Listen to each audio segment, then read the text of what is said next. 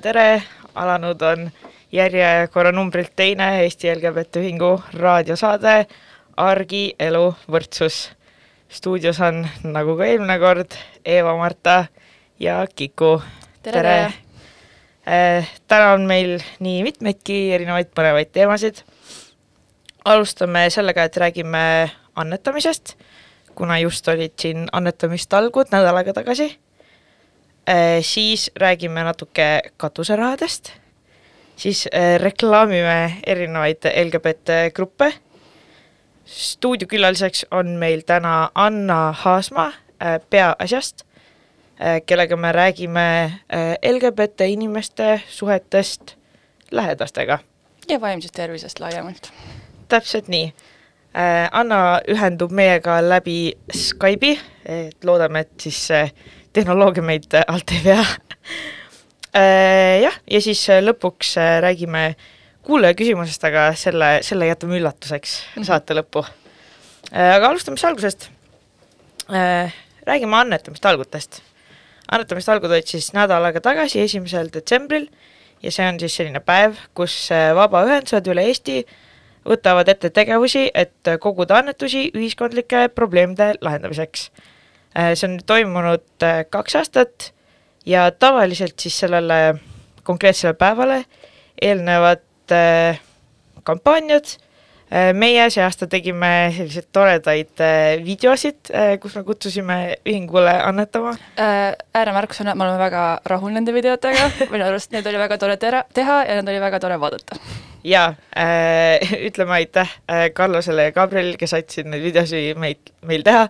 jah, suur aitäh neile ja vaadake neid videosid, need olid tõesti toredad. videod leiate meie Facebookist, kodulehelt ja Youtube'ist Jep. ja Instagramist, igalt poolt äh, jah, et see annetamiste algud äh, ei ole tegelikult äh, Eestis äh, ainulaadne äh,, selle siis suurema aktsiooni nimi on Giving Tuesday ja Eestis on Vabaühenduste Liit hakanud Äh, seda, seda korraldama. Äh, et jah, et selle nagu mõte, selle point ongi siis, et juhtida tähelepanu annetamisele, et kutsuda inimesi rohkem annetama ja anda ka platvorm vabaühendustele. Jah, ja tegelikult vabaühenduste jaoks on ju annetused väga olulised et äh, üks vabaühendus saab äh, mitmest allikast endale finants, äh, finantsi koguda ja kõik ei saa näiteks projekte kirjutada, kõigile ei anta suurtes summades annetusi, et see on väga, väga ilus päev ja hea traditsioon ja mul on hea meel, et Vabaühenduste Liit on selle võtnud enda kanda jaa, ja kui rääkida nüüd konkreetselt äh, ühingu annetustest, siis esiteks tahaksime öelda suur, suur, suur aitäh kõigile, kes meile on annetanud, kes meile püsiannetavad, ma tahaks teid kõiki isiklikult kallistada, aga meil on ülemaailmne pandeemia äh, aga et sellest, kuidas me neid annetusi kasutame, äh, siis esiteks annetused maksavad meil praegu kinni juristi palga.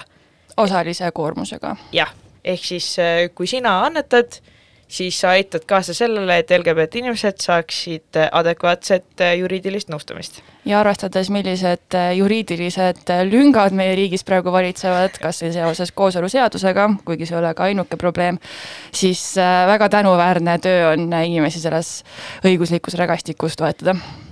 äh, ja samuti kuna äh, Eesti LGBT Ühing töötab siis projektirahadega, siis meil on hästi kindlalt aasta või kahe aasta peale pandud äh, kirja, milleks me nagu raha saame, milleks me seda kasutame ja kui on äh, äh, siis mingid ootamatud kulud, siis äh, ka neid saame me nagu annetustes katta äh,. jah, ja meie näiteks selle aasta eesmärk oli äh, katta projekti omafinantseeringu osa, ehk siis mingi osa, kui sa projektis kirjutad, pead sa ise sinna ikkagi sisse panema.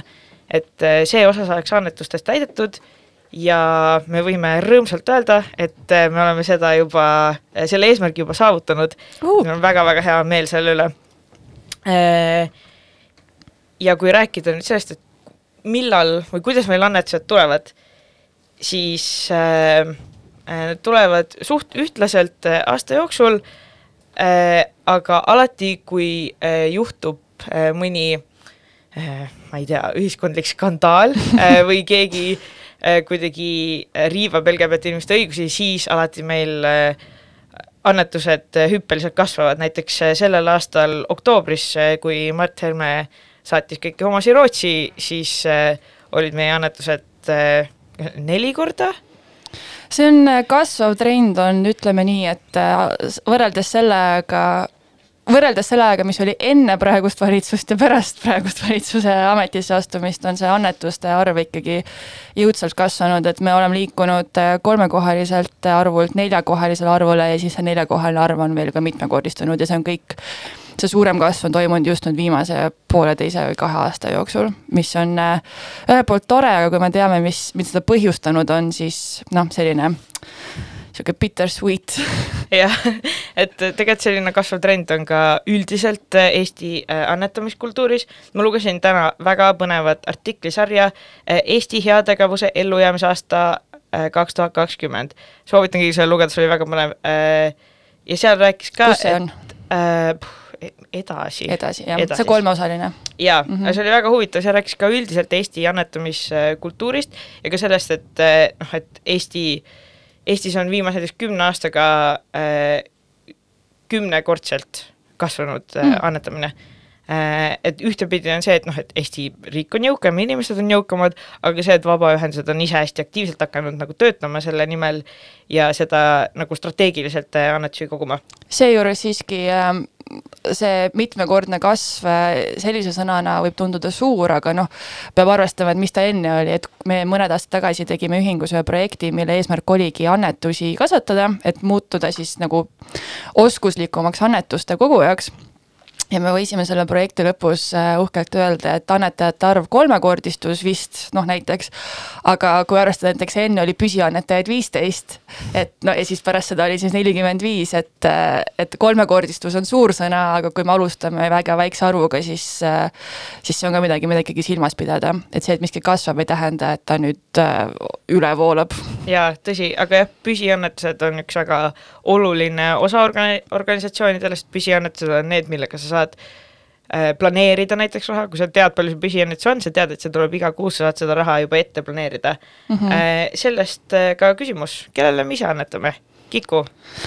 ma olen erinevatel aegadel annetanud erinevatele ühendustele, hetkel ütlen ausalt, annetan ainult ühte kohta, sest et minu rahaline sissetulek on olnud üsna pikka aega hädine ja pärast seda ebastabiilne, praegu maksan suurt summat ülikoolile.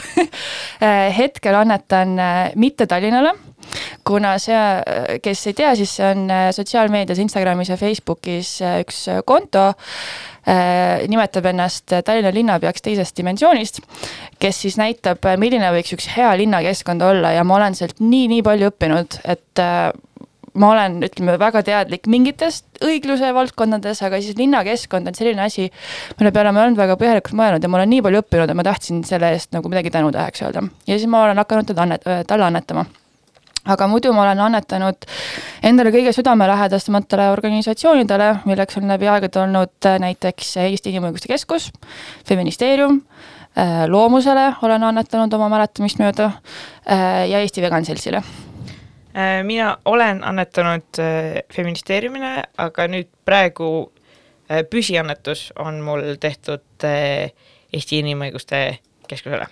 vahva. nii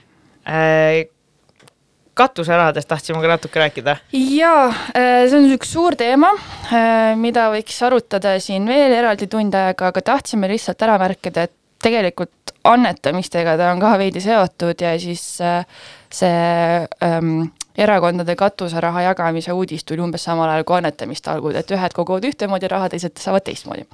et katuseraha on siis ametliku nimega vist midagi nagu regionaalsete investeeringud, midagi sellist et see peaks justkui mingeid piirkondlikke probleeme lahendama, aga selle probleem on siis see, et et erakonnad saavad oma suva järgi kellelegi nagu selgitusi andmata jagada raha nendele endale meelepärastele vabaühendustele, mis kõlab, võib kõlada nagu noh, et see on ju okei okay,, aga, aga Vabaühenduste Liit näiteks on välja toonud, et sellel on väga palju ohtusid, et see ei ole läbipaistev, siin on korruptsiooniohud, on võimalik jagada raha vabaühendustele, organisatsioonidele, mis on selle erakonna liikmetega endiga seotud ja miks me praegu tahame selle välja tuua?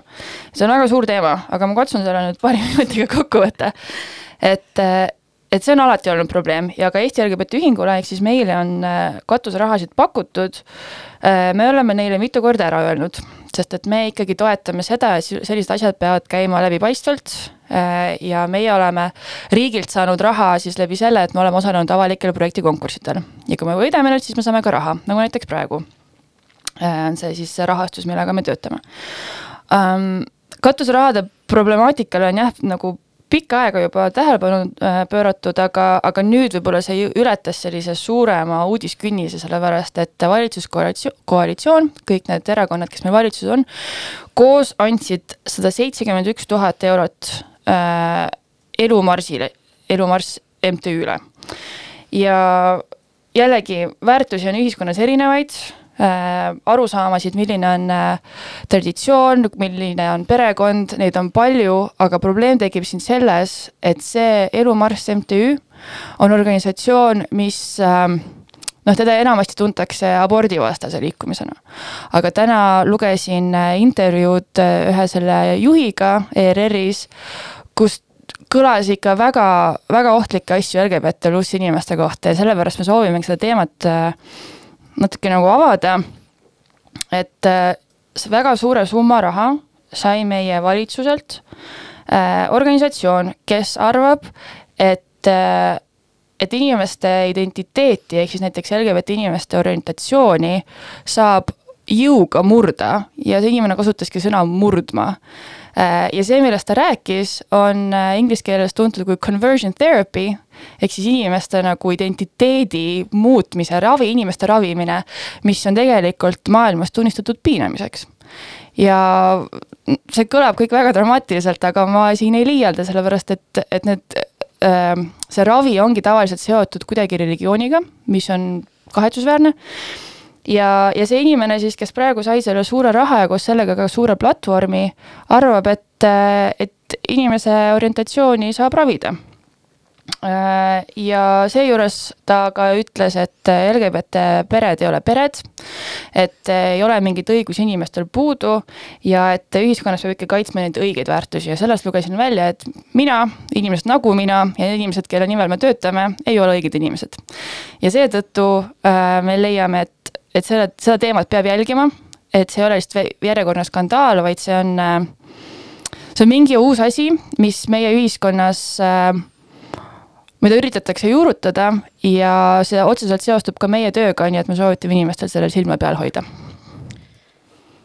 Äh, jah nii äh,, sellelt noodilt lähme veidi rõõmsamal noodile. ma ei osanud kuidagi seda segueid siia teha see on, see on suur teema, see on suur teema äh,, mida peaks nagu pikemalt arutama, aga kuna see on selline värske asi, et siis tundus, et see oleks väärt vähemalt ära mainida praegu jaa, et arutame seda edasi siis, kui seal on uusi, uusi uudiseid. just.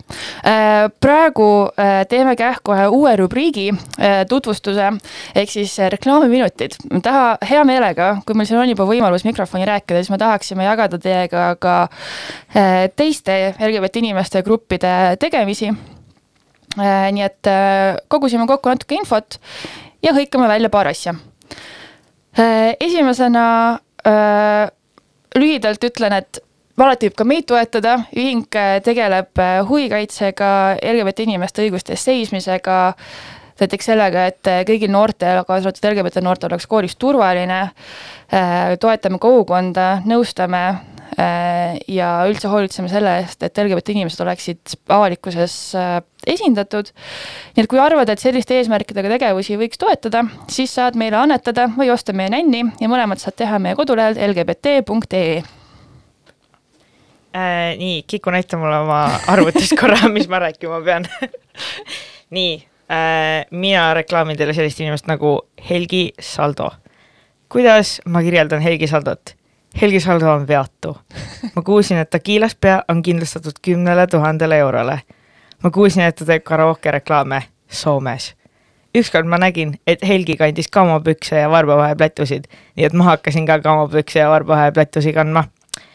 kellele praegu see jutt tundus väga segane, siis vaadake Mean Girlsi eh, aga päriselt eh, Helgi on marunaljakas, hea südamega drag-artist ja kui sa seda veel teinud pole, eh, siis follow teda Instagramis ja Facebookis, et olla kursis sellega, mida ta teeb. Love you, Helgi samad sõnad.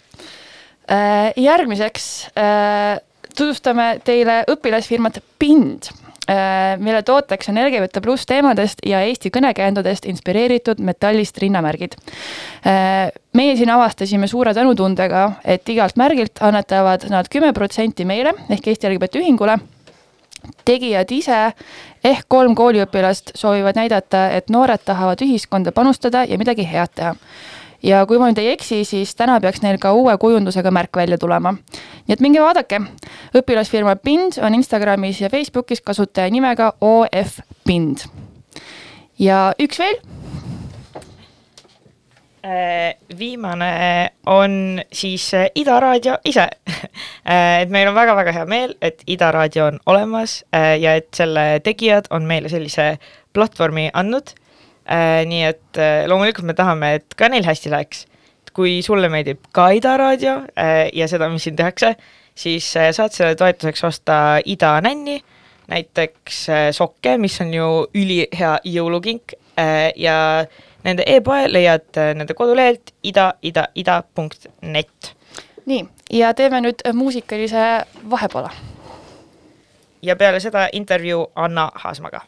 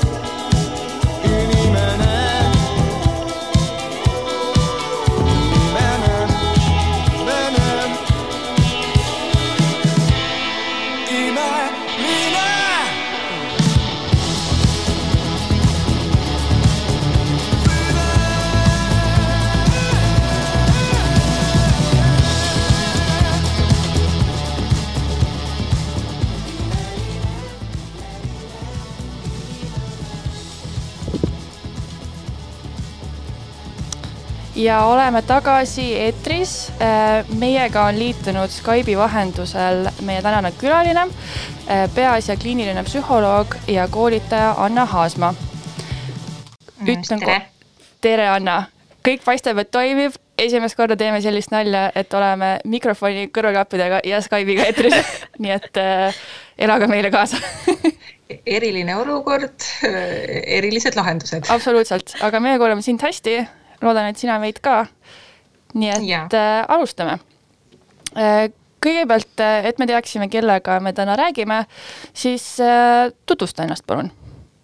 Äh, ja minu nimi on Anna Haasma, olen äh, kliiniline psühholoog ja pereterapeut ametilt Äh, ja ma ei tea, mida minu kohta veel äh, võiks äh, teada.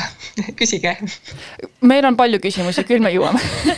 Aga vähemalt see, see näitab ära, et sa oled õige inimene, kellele neid küsimusi esitada ja Anna on ka äh, ühinguga koos nüüd töötanud juba paar äh, kuud, äh, et on meid nagu koolitanud, ühingu töötajaid ja ma võin öelda, et väga-väga-väga mõnusad koolitused on olnud, nii et ma usaldan Anna ekspertiisi. ja ma olen isegi saanud paar nippi, kuidas nõmedaid tundeid, kui mitte vältida, siis vähemalt eemaldada nii, aga täna on meil tegelikult konkreetne teema et äh, Annaga on kindlasti paljust rääkida, aga meie räägime täna täpsemalt äh, vaimsest tervisest seoses erinevate pühadega, nagu siin neid on äh, lähenemas, ja, ja kuidas, kuidas on seotud vaimne tervis ja, ja perega suhtlemine, kuidas, kuidas seda kõike üldse enda jaoks mõtestada, mõista ja, ja hakkama saada nii et äh, alustame siis sellega, et äh, detsember on käes, jõulud lähenevad, kes tähistab või ei tähista, aga igal juhul on tõenäoline, et mingil määral need, äh, see pühade aeg inimestel ikkagi on natuke vaimselt raskem aeg. et Anna, kas, kas on nii, et jõulud on vaimselt val-, olulisem, raskem aeg inimestele? Mm. -hmm. ma olen selle peale mõelnud ja proovinud äh, leida ka mm, teadusuuringuid, äh, mis äh, seda käsitleks, et otseselt uuringutele ma sellele kinnitust ei leidnud, et jõulude aeg selles osas eriline. aga kui juba mõelda selle peale, et mis asjaolud jõulude või pühade ajaga seostuvad, et siis ma arvan, et ka igaüks oma isikliku kogemuse pinnalt äh, võib aimata, et äh, see võib vaimselt väga väljakutsuv aeg olla. Äh, noh, näiteks mingisugused peamised võimalikud pingeallikad. alustaks võib-olla tähtsuselt, kuigi jah, tähendab minu, minu tähtsusjärje, järjekord prioriteetide koha pealt äh, alustaks enda jaoks kõige äh, vähem tähtsast, aga kuidas see siis kellegi jaoks tähendust omab, on ju individuaalne. et jõuludega seostuv ostmissurve näiteks või mhm. selline kingituste tegemine, et, et ühelt poolt võiks olla ju tore Äh, sündmus, mis vaimselt kurnav ei pea olema, äh, aga äh, vajab ju nii võib-olla rahalist ressurssi kui ka kindlasti vaimset ressurssi, võib-olla mõelda välja midagi kellelegi, mida teha mm, või osta. Et kui juba inimesel on näiteks majanduslikku ebakindlust, mis on juba äh, omamoodi vaimset äh,, vaimse tervise äh, riskiallikas et siis kindlasti juba see äh, tegur, mis käib jõulude aega kaasas, võib ka juba olla päris pingestav. Äh, ja, ja võib-olla äh, veel jõuludega seostuvalt, no see aeg ju on rõhutatult rõõmus, rõhutatult rahulik ja kui inimesel on vaimselt raske, siis need kogemused või tunded võivad olla väga vajaka ja siis äh, võib ka selline sisemine äh, vastuolu ka süveneda selle teema koha pealt ja võib tekkida veel juurde mingisuguseid süütundeid, võrdlusmomente, et, et ei õnnestu ennast niimoodi hästi tunda. ja minu meelest kõige tähtsam aspekt, mis ka tänase teemaga võib-olla väga seostub, on see sotsiaalne pool. et see on aeg, kui ka jälle rõhutatult Äh, kohtutakse oma lähedastega, pannakse sellele rõhku. Ähm, perekonnad äh, saavad kokku. Äh, ja kui juba inimesel näiteks on vaimselt raske, tal ei ole energiat suhtlemiseks, siis see juba omamoodi ohutegur selle olukorra kontekstis ja kui suhted pereliikmetega on ka konfliktsed või kauged Äh, et siis see on kindlasti raske äh, või, või kui äh, inimesed on kaotanud kedagi oma lähedastest ja see jõulutraditsioon ei saa sellisel kujul jätkuda nagu varem, et siis kindlasti sellist vaimset pinge allikat sisaldavad jõulud üsna palju mm. -hmm. ma võtangi siin ühest näitest kinni kohe, et mis sa tõid, et tõesti meile nagu näidatakse või tahetakse näidata sellist äh, pilti jõuludest, kust kõik justkui tulevad oma perega kokku oma mingisse koju, näiteks siis juba lapsepõlvekoju ja on selline rahulik ja hea ja rõõmus olla, et siin ongi just see noh, emotsiooni ootus äh,, pere ootus. et, et isegi kui sa tahad nagu kui sa tahad midagi sellist ka endale, siis äh, kuidas sa saad ennast, ennast hästi tunda sellises olukorras, kus sind ümbritsevad äh, su lähedased, kui sa tunned, et need lähedased äh, võib-olla ei mõista või ei aktsepteeri sind täielikult, mis on noh, ütleme LGBT inimestele siis üsna aktuaalne küsimus. No see on kindlasti väga valus teema ja, ja teebki jõulude aega potentsiaalselt väga raskeks kui on selline olukord, et, et esiteks ma juba ette tean, et võib olla keeruline sinna pereliikmete äh, juurde minna äh, või ka, kui seal siis tulevadki ette mingisugused sellised olukorrad, et millega ma pean siis seal toime tulema või kohanema. et, ähm, et selle üle ehk saame ka täna natukene mõelda, et kuidas siis ennast seal säästa. aga äh kui sul on pereliikmed, kes, kes sind ei aktsepteeri või kes sulle mm. nagu sellist halba tunnet tekitavad, et miks siis nagu selle kõige kiuste inimesed ikkagi tahavad oma pere lähedal olla ja nendega häid suhteid luua, isegi kui, kui mõnes olukorras näiteks nende lähedased neile haiget teevad? -hmm. et see on kindlasti hästi selline tuumakas küsimus, mille üle ma usun, paljud äh, võib-olla ka kuulajad on ise ka mõtisklenud, et miks küll, et miks see on küll minu jaoks äh, äh, tähtis, kui ma tean näiteks, et see on niisugune valus kogemus minu jaoks. ja noh, üks, üks võimalik seletus pere, pereteraapia võtmes on üks selline teooria, et, et me kuidagi panustame emotsionaalselt oma äh, lähisuhetesse, äh, suhetesse ka pereliikmete ja lähedastega. et kui see on selline emotsionaalne investeering, mis me teeme ja mingis mõttes on ka õigustatud see ootus, et, et me kuidagi ootame seda mm, ka tagasi. ja paradoksaalselt võime sattuda olukorda, kus see tasakaal on kuidagi paigast ära ja me ei saagi äh, ja me jätkame näiteks ka panustamist suhetesse, kust me ei saa justkui äh, tagasi ja jäämegi sinna mingis mõttes ka kinni. Ähm, äh, aga noh, see äh, ootus võib-olla ka, et olla lähedaste seas ähm, mõistetud, tunda seal sellist turvalisust, kuuluvustunnet, et see on ju tegelikult, ma mõtlen ka selline väga õigustatud ootus. Ähm, et, see, see võikski olla ka üks Äh, selline pere oluline ülesanne või funktsioon äh, seda oma lapsele, noorele pakkuda, äh, sellist tunnet. et selles mõttes on kindlasti väga, väga kahju, et paljudel seda kogemust ei ole. ja mina olen veel sel teemal mõelnud ise Äh, seda, et iga, et noh, kui me räägime, see on ju ikkagi äh, äh, lastest, noortest, kes siis oma, kas on ka täiskasvanuks juba saanud või veel mitte, kes siis oma päritoluperega proovivad neid suhteid säilitada, et, et lapsel ju ei ole otseselt seda valikut olnud, et siia ilma sellisel kujul tulla, noh üldse, et, et sel, see otsus on tehtud tema eest ja siis ta tuleb Äh, täpselt sellisena, nagu ta on. Äh, täpselt õigena, sellepärast et see on ju tema, äh, tema eripära ja unikaalne olek. ja, ja see ongi selles mõttes mulle tundub ebaõiglane, kui hakatakse panema mingisuguseid tingimusi sellele, et mis on kuidagi aktsepteeritav või mis mitte kui, kui lapsel ju selles osas ei ole sõnaõigust olnud, et, et kas tulla või mitte, et siis ikkagi on ka õigustatud ootus, et, et pere võtab vastu ja toetab mind sellisena, nagu ma olen. aga loomulikult olen, olen teadlik, et paljudel seda kogemust kahjuks ei ole. ja kahtlemata on peresuhted ühed kõige keerulisemad suhted iga inimese jaoks ja eriti LGBT inimeste jaoks, et et kindlasti ei ole see mustvalge, et kas vanemad sind aktsepteerivad või ei aktsepteeri, et isegi vanemad, kes sind aktsepteerivad ja armastavad, vahepeal ütlevad hash, asju, mis lihtsalt väga-väga haiget teevad. miks vanemad seda teevad või sellistesse olukordadesse satuvad?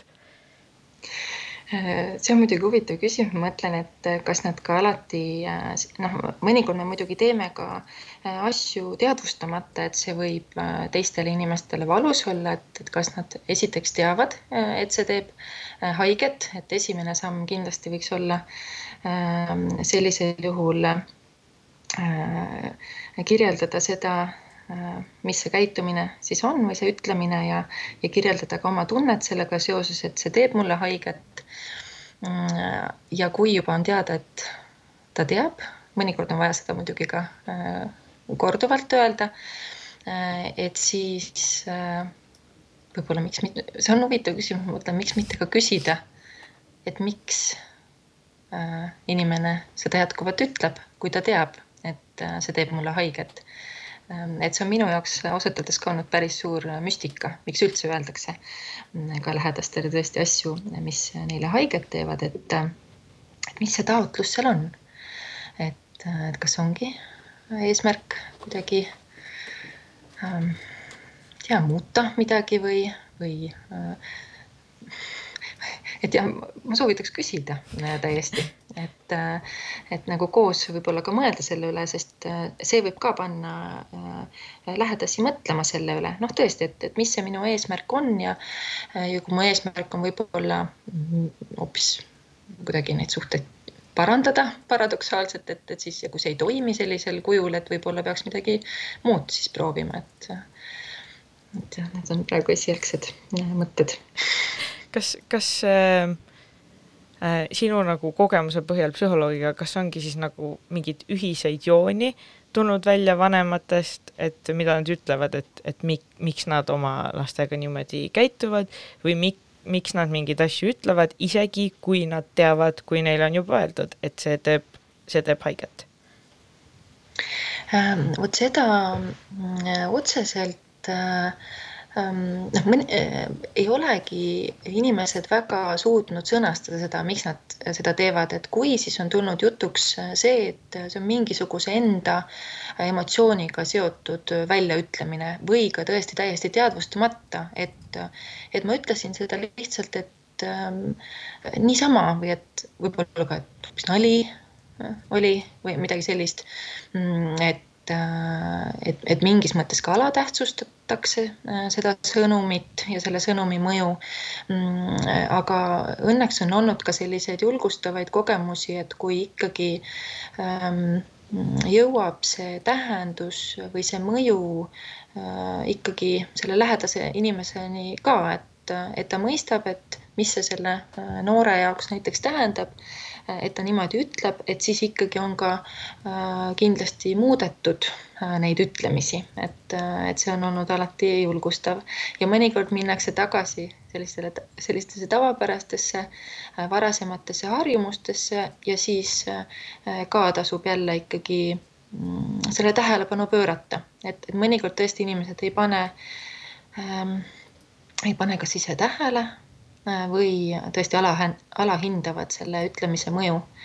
et siis saab, äh, siis saab oma mõtted selle koha pealt ikkagi äh, jagada ja oma kogemust kirjeldada ma siinkohal ütleks, et ei pea ainult noor olema, võib ka kolmekümneaastaselt selle märkuse teha just, absoluutselt, et kõik, kõik need erinevad raskused jätkuvad tihtipeale ka täiskasvanueani välja ja ja need üldse kui sellised mingisugused äh, suhtlemismustrid või äh, noh, eriti ka mingisugused hoiakud, tavapärased käitumisviisid on välja kujunenud, et siis neid ongi raske ka muuta, et aga mitte võimatu mm. -hmm. et, et kindlasti, kui seda kui seda hoolivust seal on, et siis on ka võimalik seda muutust tasapisi juurde rakendada. no ütleme, et üks viis ongi siis kas nagu noh, põhimõtteliselt algatada siis mingi vestlus sellel teemal, kas siis teha märkus sõbralikult või vähem sõbralikult või küsida, et miks sa nii teed. et see ikkagi eeldab teatud äh, turvatunnet ja avatust, et sa tead, et äh,, et sul on võimalus nagu see dialoog avada. Aga millised äh, võivad veel olla reageerimise võimalused, kui keegi teeb või ütleb midagi, pereliige või keegi sulle lähedane, mis sulle haiget teeb, et kui sul ei ole näiteks võimalik sellest rääkida, et millised sellised äh, hakkamasaamisvõtted veel võiksid varuks olla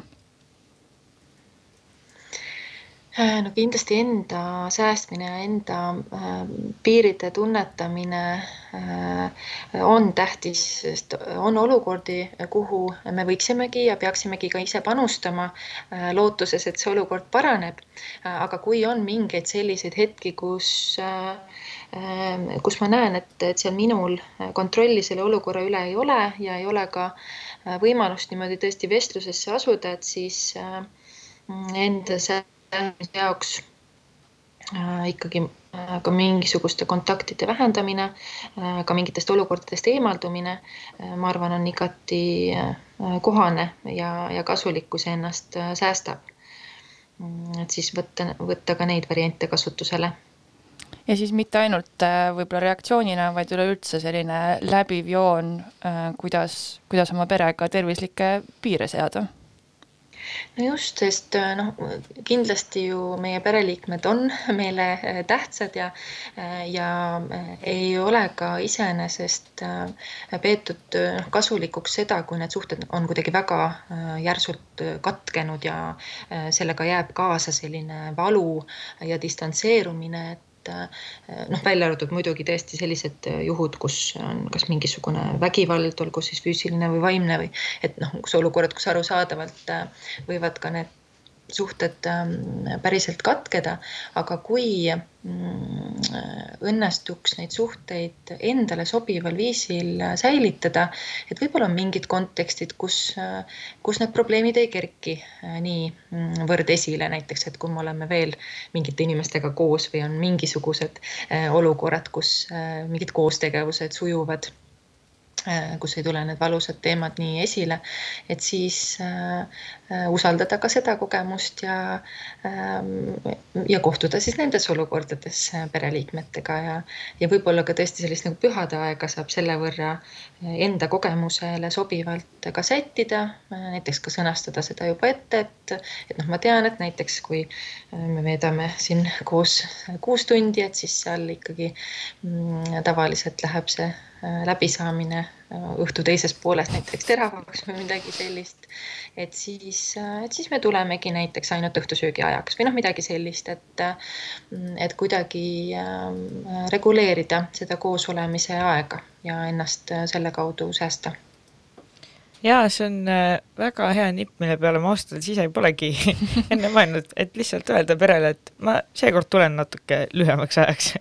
aga ütleme, et kui siis ikkagi su ema on kärutanud sind koju nädalaks ajaks, sul on tõesti selja taga raske, raske pühade aeg, eh, siis kuidas pärast seda enda eest hoolitseda, kuidas see lahti mõtestada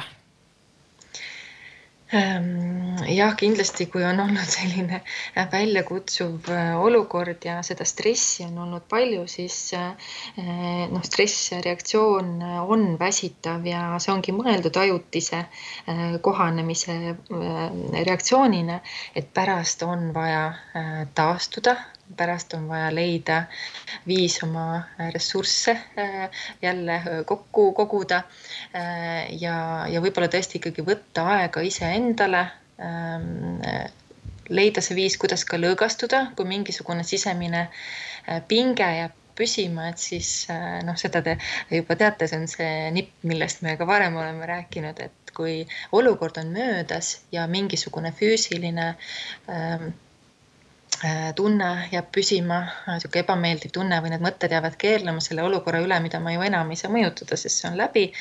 Et siis äh, võib-olla vahel on ka hea niimoodi natukene seda pinget äh, juurde tekitada, et aidata kehal äh, siis tagantjärgi lõõgastuda, et noh, tõesti, kas siis võtta ette mingisugune huumorifilm, et naerma ennast ajada ja selle võrra natukene seda mm, pingetaset nii-öelda tõsta, et pärast lõõgastuda või mingisuguse trenni abil Äh, natuke pinget äh, juurde luua, et pärast jälle saada lõõgastuda. et mingeid selliseid viise äh, ja noh, kindlasti kõik endale meeldivad olulised tegevused ja just need kontaktid, mis mind tõesti energia mõttes ka laevad, et neid võtta ja, ja seda võiks täitsa juba ette planeerida, et, et ma juba tean, et kui see näiteks nädalavahetus Äh, on läbi ja ma tean, et noh, näiteks, et see aeg saab olema minu jaoks väsitav. Et siis mul on pärast juba ees ootamas, on juba kohe see kohtumine ähm, sõbraga või, või see äh, mõnus mingi filmiõhtu või mingisugune massaaž või ma ei tea, mis iganes see siis võiks olla. et see on juba ees ootamas nagu selline äh, lõõgastuspreemia. planeerid puhkusest puhkust just, just. mulle, mulle tundub, et need on sellised head nipid ka, mida ka mul aastaaegadel võib ju kasutusele võtta, mitte peale, ainult peale pühasid. kas, kas sul on veel mingeid häid nippe, kuidas ülejäänud aasta endale ka head teha? ja see enda eest hoolitsemine võiks olla tõesti igapäevane tegevus, et Äh, mitte ainult rasketel hetkedel, äh, vaid, äh, vaid niimoodi kogu aeg enda jaoks leida neid hetki ja võimalusi ka meeldivate emotsioonide kogemiseks. Mm, ja võib-olla sihuke enesesõbralikkuse arendamine on ka sihuke läbiv teema, mida võiks silmas pidada. sest noh, on ju inimene, kes on meiega kogu aeg kaasas, oleme meie ise. et Äh, et mida ähm, äh, paremini ma ennast tunnen, mida sõbralikum ma olen endaga, ähm, seda äh, lihtsam on ka nendel hetkedel, kui ma olen näiteks üksi ja, ja näiteks püüan ennast taastada, et, et siis võib-olla sihukest enesesõbralikkust veel ekstra rakendada.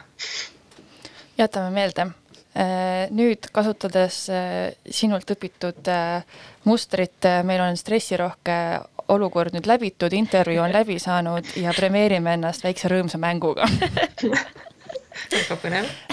me siis mängime iga külalisega väikest mängu, kus ma annan nii sulle kui Eva-Martale valida kahe variandi vahel. Ja sa pead siis tegema kiiresti, vastama, mõtle kohe või tähendab, vast-, ütle kohe ära, mõtle. Äh, ja võib-olla see siis äh, ütleb meile midagi sinu kohta, võib-olla ka sulle endale midagi sinu kohta. nii, esimene küsimus. kas äh, jõulukingi loos ühele inimesele töökohas, kus sa kedagi väga hästi ei tunne või kingikohustus absoluutselt igale pereliikmele? Äh, mina ütleks kohe, et kingikohustus igale pereliikmele, mulle väga-väga-väga meeldib kingitusi teha inimestele, kes on mulle olulised, sest mulle meeldib näha, kuidas nad nutavad, kui nad neid kinke vastu võtavad. Sama, ma pole küll suutnud vist kedagi nutma ajada oma kingitustega, aga äh, sama. Ja äh, pereliikmetele siin vist oleneb ka, kui palju sul neid pereliikmeid on, et kui sul on suur-suur pere, kolmkümmend, kolmkümmend kinki teha, võib vist päris raske olla. siis tuleb äh, mul, siis mul tuleb igale ühele muffin üks muffin ähm,. selge, nii järgmine küsimus. talvepuhkus Tais või Lapimaal? Lapimaal. Eva-Marta tegi suured silmad oh,. see on äh, raske valik, aga südames ma arvan, pean ikka ütlema Tais ole aus iseendaga äh, nii, nüüd tuleb veel üks äh, pika sõnastusega küsimus mm,. aga mind väga huvitab teie vastus. kas aastavahetus üksi metsamajas vähemalt kümne kilomeetri kaugusel lähimast inimesest või kahekümne tunnine järjestpidu maks poole meetri kaugusel lähimast inimesest kas see on siis mitte koroona olukorras, jah? jah, kujutame ette, et oleme sellises maailmas hmm.. püha üksindus või püha lähedus Vau, vot see on nüüd küll pähkel. jess, pidi kohe vastama ilma mõtlemata, aga ikka hakkasin mõtlema. no minu jaoks on see väga lihtne vastus, okei aga okay,, minu jaoks on ka tegelikult lihtne, ma vastan siis nii kaua, kui Anna mõtleb äh,. ilmselgelt kakskümmend tundi olla nii lähedal kui võimalik, nii paljudele inimestele kui võimalik. ma arvan, et mis see kakskümmend tundi üksindust, ma läheks hulluks selle ajaga. klassik ja kord. vot jaa, ei, mul ei ole see, ma muidu ikkagi, ma alguses kaldusin ikka väga selle esimese variandi poole, et üksinda, aga ma tahaks ikka mõned inimesed kaasa võtta.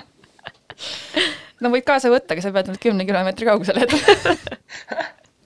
ja ma tahaks ikka sinna majakesse, aga aga sa võid äh, ükskõik palju loomi kaasa võtta. hmm.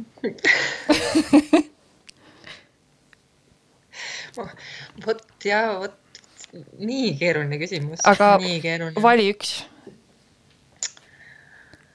sa ei pea oma aastavahetust niimoodi pidama, sa pead lihtsalt praegu vastama.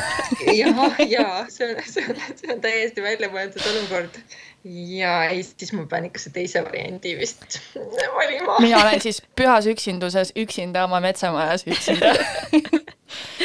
nii, kas üks suur õnnetus või mitu väikest? Mitu väikest. jah, ma ütleks sama, mitu väikest. mõistlik ja soovitavalt püsiõnnetused. just. ja viimane küsimus, jõulud või aastavahetus?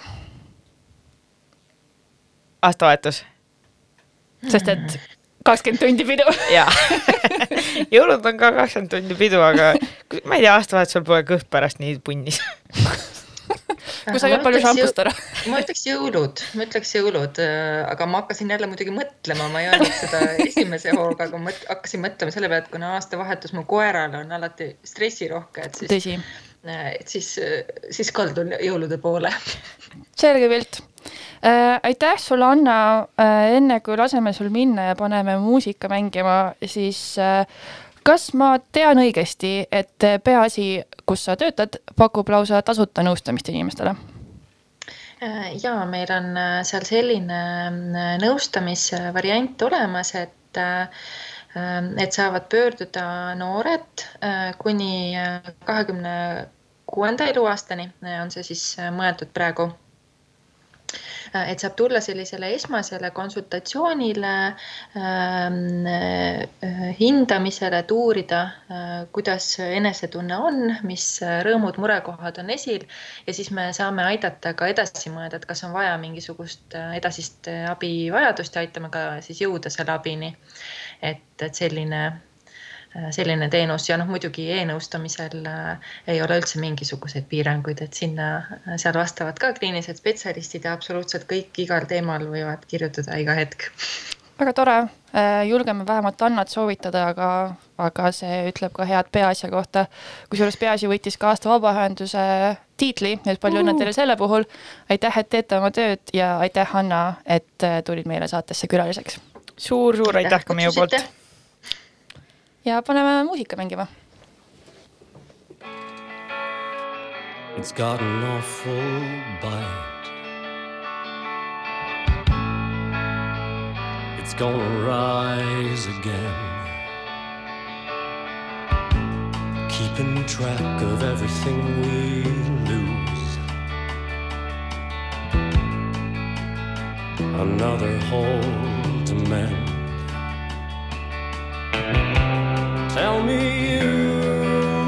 you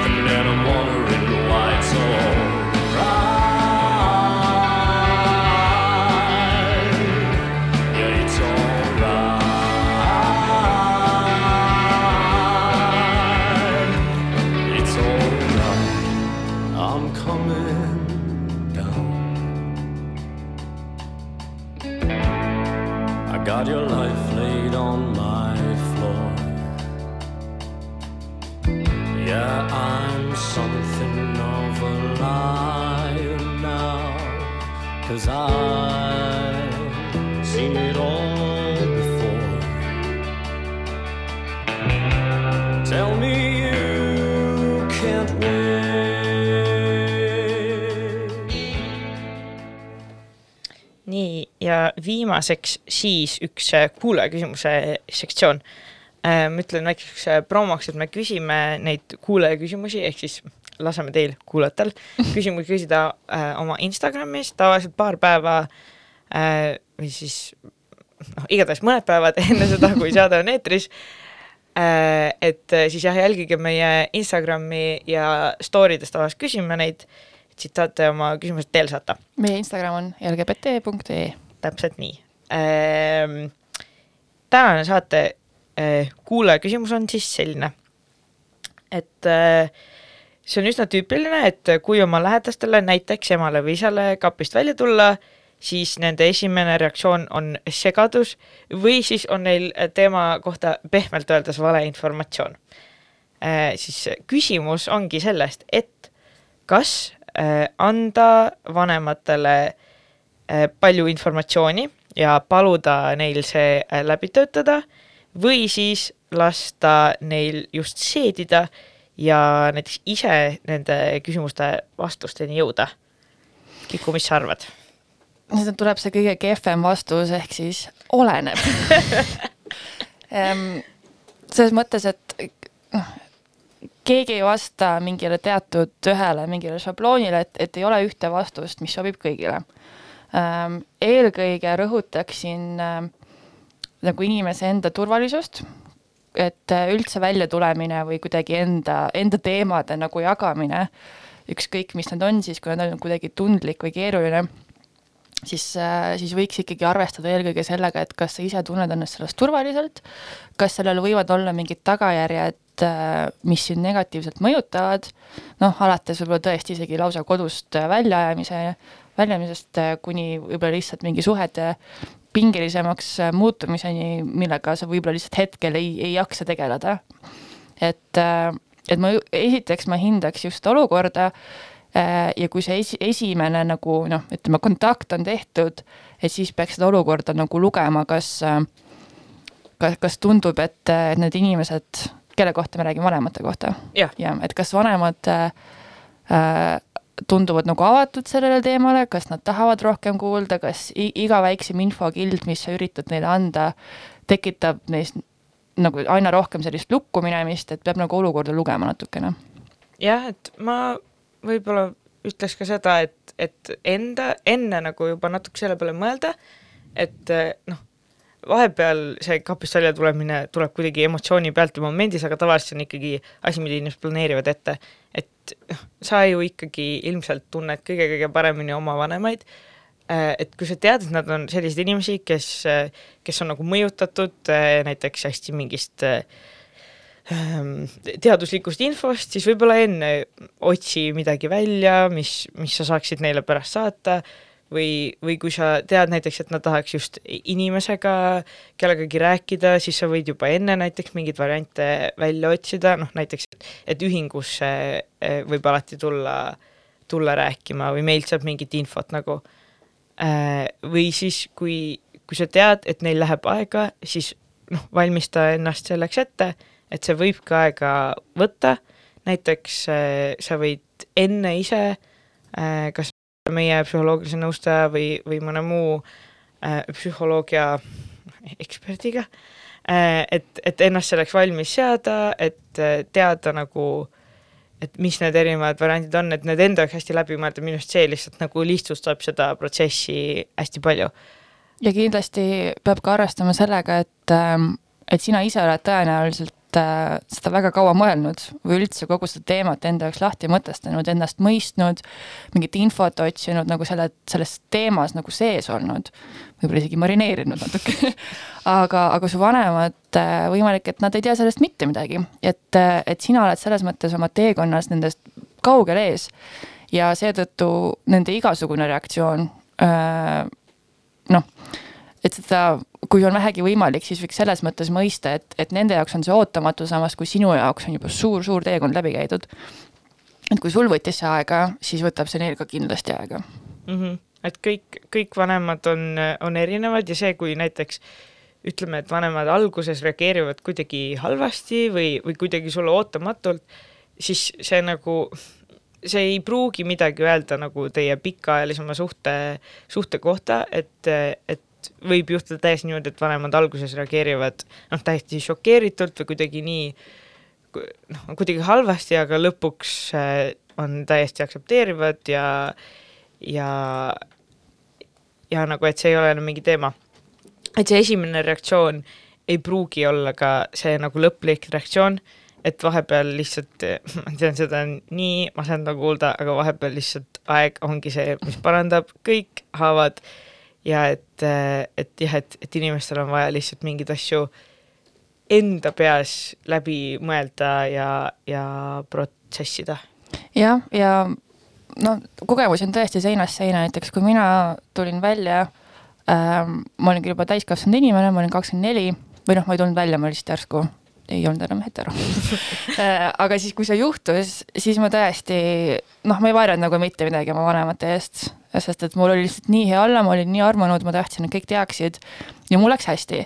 samas äh, mul on üks lähedane inimene, kes äh, oli kümme aastat oma vanemate ees kapis oma, oma seksuaalse orientatsiooniga. ja, ja siis, kui ta lõpuks äh, nagu selle välja ütles siis, äh, siis ta ikka nagu noh, ta lihtsalt tunneb, et, et nad ei ole sellised inimesed, kellele saab väga palju seda infot edasi anda, et äh, tükkhaaval natuke väike kommentaar siin, väike kommentaar seal, aga see teekond võtab tal ikka aastaid. et ta siiamaani näiteks ei vii oma elukaaslasi oma vanemate juurde, sest ta lihtsalt tunneb, et et nemad ei ole võib-olla valmis ja ta ise võib-olla ka lihtsalt, äh, tal ei ole lihtsalt seda jaksu kogu seda suurt koormust enda peale võtta, et kahjuks on nii, et et väljatulemine ise või kuidagi oma nagu selle tõelise mina nagu elamine on juba äh, raske, rõõmustav, aga raske ja siis sa pead veel kellegi teise nagu lohutamiseks või nende mugavuse hoidmiseks pead veel emotsionaalset tööd tegema, aga see on just valik, mida inimene peab tegema, kas ta tahab seda teha või ei taha. jah, ja lõppude lõpuks on ikkagi oluline meeles pidada seda, et, et et ükskõik, kui palju sulle sinu lähedaste või noh, näiteks vanemate reaktsioonid korda ei lähe, siis sa ei saa nende eest vastutust võtta. Et tegelikult see, kuidas nad reageerivad, ei ole kuidagi nagu noh, et on seotud sinuga, aga see ei pane sulle väärtust, et mm -hmm. et kui näiteks, et kui, kui sa tuled vanematele välja ja äh, teie suhted nagu pingestuvad, et siis ka enda heaolu nimel äh, töötada, et noh, kas, kas siis psühholoogi abiga või ükskõik millega, mis sind aitab, aga ikkagi nagu selles olukorras ka olla isekas, endale mõelda ja just enda vaimse tervisega tegeleda. jah, et nagunii mitte ükski suhe ei saa olla terve, kui selle kas või üks osapool ei ole ise terve. jah, äh, ja näiteks, et ennast tervena hoida äh,, saab abi Peaasjalt, äh, Eesti LGBT ühingult, kas ma oskan veel mingit tasuta ressursse soovitada mm,? Hetkel vist ei oska, aga noh, Peaasi on niivõrd lai katus, et sealt leiab vast kõike. jaa, ma arvan, et nendest kahest organisatsioonist täitsa piisab. Aga aitäh kõigile, kes meiega täna tund aega on, on veetnud äh,. oli väga tore saade, kui sul on nende teemade kohta veel küsimusi äh,, võite meile kirjutada. ja head äh, vahvat, rõõmsat või rahulikku, kuidas kellelegi detsembrikuud. head pühade aega